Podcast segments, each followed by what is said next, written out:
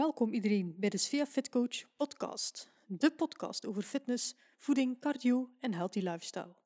Ik ben Svea, jullie host. Goeiedag allemaal, welkom terug. Ik heb zoals iedereen opnieuw een week quarantaine achter de rug. De maatregelen worden geleidelijk aan versoepeld, maar thuiswerken blijft wel de norm. Ik krijg veel de vraag hoe ik omga met de quarantaine. Ik ben consultant voor medical device en biotech bedrijven. Het meeste werk kan van thuis gebeuren. Ik ben wel een contract kwijt en dat betekent dat ik nu deeltijds werk en dus de helft minder inkomen heb. Maar oké, okay, uh, is niet erg. Ik ga niet ontkennen dat ik de eerste dagen even gestrest heb, maar ik heb ook wel snel ingezien dat ik er niet veel aan kan veranderen en dat het nu de moment is om andere opportuniteiten te bekijken. Ik zie het positieve ervan. Ik weet nu ook dat ik veel meer tijd wil investeren in Svea Fitcoach. Het zijn moeilijke tijden. Er zijn mensen die een job verloren hebben, bedrijven die over kop gaan, financiële stress bij mensen, mensen die ziek zijn, mensen die familieleden verliezen. Het had veel erger gekund voor mij. Ik heb nog een inkomen, ik ben gezond, ik kan sporten, familie en vrienden zijn gezond. En betere tijden gaan komen. Ik bereid me daarop voor. Het is voor mij het moment om te groeien, actie te ondernemen en te exploreren, zoals deze podcast. Ik heb flyers rondgedeeld, ik heb mijn Instagram nieuw leven ingeblazen, ik ben aan het kijken om workshops, lezingen te geven, enzovoort. Ik heb momenteel niets te verliezen. Wat betreft mijn workouts, ik ben heel dankbaar voor het feit dat ik een squat rack thuis heb staan. Ik heb een barbell en dumbbells. Ik kan alles doen wat ik ervoor deed. Ik ben drie weken geleden opnieuw gestart met powerlifting, na een pauze van ongeveer twee maanden. Squat was al een jaar geleden. Uh, ik heb me toen gefocust op de deadlift en bench. En nu ben ik aan het opbouwen naar 85, 90 procent van waar ik twee maanden geleden geëindigd ben. Ik heb bepaalde doelen in mijn hoofd, maar ik ga ze nog niet delen. Ik piek op het einde van het jaar en dat is nog ver. Nu wil ik eerst uh, terug een heel goede basis krijgen en dan kijk ik per lift uh, wat ik eruit kan halen. In mijn vorige podcast heb ik ook gezegd dat je moet reflecteren op je vorige trainingsblok, wat er goed was en wat er beter kon. Als de tijd zover is dat ik mijn trainingsschema begin op te maken, dan ga ik jullie ook meegeven wat ik anders ga doen. Een van de zaken waar ik zeker op moet letten is mijn opwarming. Die werd naarmate mijn schema en dus de tijd vorderde, al maar korter, waardoor ik af en toe eens wat meer last had van een pijntje. Nu, ik heb enkele vragen doorgekregen de laatste dagen en er zaten wel enkele interessante tussen. De eerste vraag was: hoe train jij in quarantaine? Heb je iets veranderd aan je schema?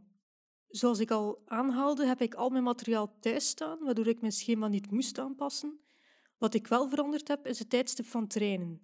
Ik train nu smiddags. Ik werk van thuis uit, dus dan wacht ik liever niet tot s'avonds om te trainen. Ik heb ook al ondervonden dat ik sneller herstel van de trainingen door smiddags te trainen. En ik heb meer energie om in de trainingen te steken in vergelijking met trainingen die ik doe na een dag werken op locatie. Voor de coronacrisis was er steeds die rush om overal op tijd te zijn en alles perfect getimed te hebben, zodat ik zelfs optimaal kon trainen. Die haast is er nu uit bij mij. En het is op momenten zoals nu dat je ziet dat je niet goed bezig bent en meer tijd moet nemen om de dingen te doen die je graag doet. En dat ga ik ook doen. Ik wil mij niet meer zo opgejaagd voelen als ervoor, dus ik ga bepaalde beslissingen moeten nemen. Maar aan mijn schema zelf heb ik dus niets gewijzigd. Enkele tijdstip van trainen is momenteel veranderd. De volgende vraag: hoe blijf je gemotiveerd om elk jaar opnieuw jouw krachttrainingsdoelen te halen? Eerst en vooral, ik hef graag zware gewichten. Ik heb met powerlifting, powerbuilding, krachttraining een sport gevonden die ik heel graag doe, waardoor mijn motivatie ook groot is. Er zijn altijd dagen waarop dat ik denk van, goh, ik heb nu geen zin, maar eens ik in de flow ben, dan komt de goesting snel terug. Het is zo dat bij mij gezondheid en mijn goed voelen voorgaat op alles. Dat betekent ook pauzes durven nemen, periodiseren zoals ze dat noemen. In februari, maart heb ik een pauze ingelast en toen weinig gewicht aangeraakt. Ik heb gefietst en gelopen en dat was een leuke afwisseling. Dat was belangrijk voor het herstel van mijn spieren, gewrichten en aanhechtingen. Maar ook mentaal uh, had ik uh, rust. Het moment dat het dan terug begint te kriebelen om terug te powerliften, dan wacht ik nog twee weken en tegen dan ben ik volledig hyped om te starten. Ik ga niet zeggen dat ik na het trainingsblok eind januari niet meer gemotiveerd was, maar ik was wel moe en mijn lichaam en geest hadden nood aan een pauze. Om jezelf te motiveren is het goed om doelen te stellen naar waar je toe kan werken. Omring je met mensen die je energie en een goed gevoel geven. Train samen met iemand of werk samen met een coach. Zorg voor variatie in je schema en vier de kleine successen. Vorige podcast heb ik gezegd om tussentijdse doelen te stellen. Als je deze behaalt, vier ze dan. Wees dankbaar voor al het goede dat je al hebt. Visualiseer je doelen. Probeer niet te veel nutteloze dingen te doen zoals tv kijken. Probeer zoveel mogelijk te bewegen. Goed, de volgende vraag. Wat zijn jouw persoonlijke records in powerlifting? Ik heb die daarnet denk ik inderdaad niet vermeld. Deadlift 106 kilo, bench 54 kilo en squat 82 kilo. Ik doe dit trouwens uh, recreatief, ik doe geen uh, competitie. Volgende vraag. Hoeveel dagen per week train je? Mag ik als beginner in krachttraining vijf dagen per week trainen? Uh, deze week was dat bij mij nog vier keer per week. Vanaf volgende week train ik zes dagen per week. Dat is uiteraard met een uitgebalanceerd trainingsschema. Twee keer squat, twee keer bench, twee keer deadlift. Ik ga uiteraard niet elke trainingsdag met 90% van mijn 1RM trainen.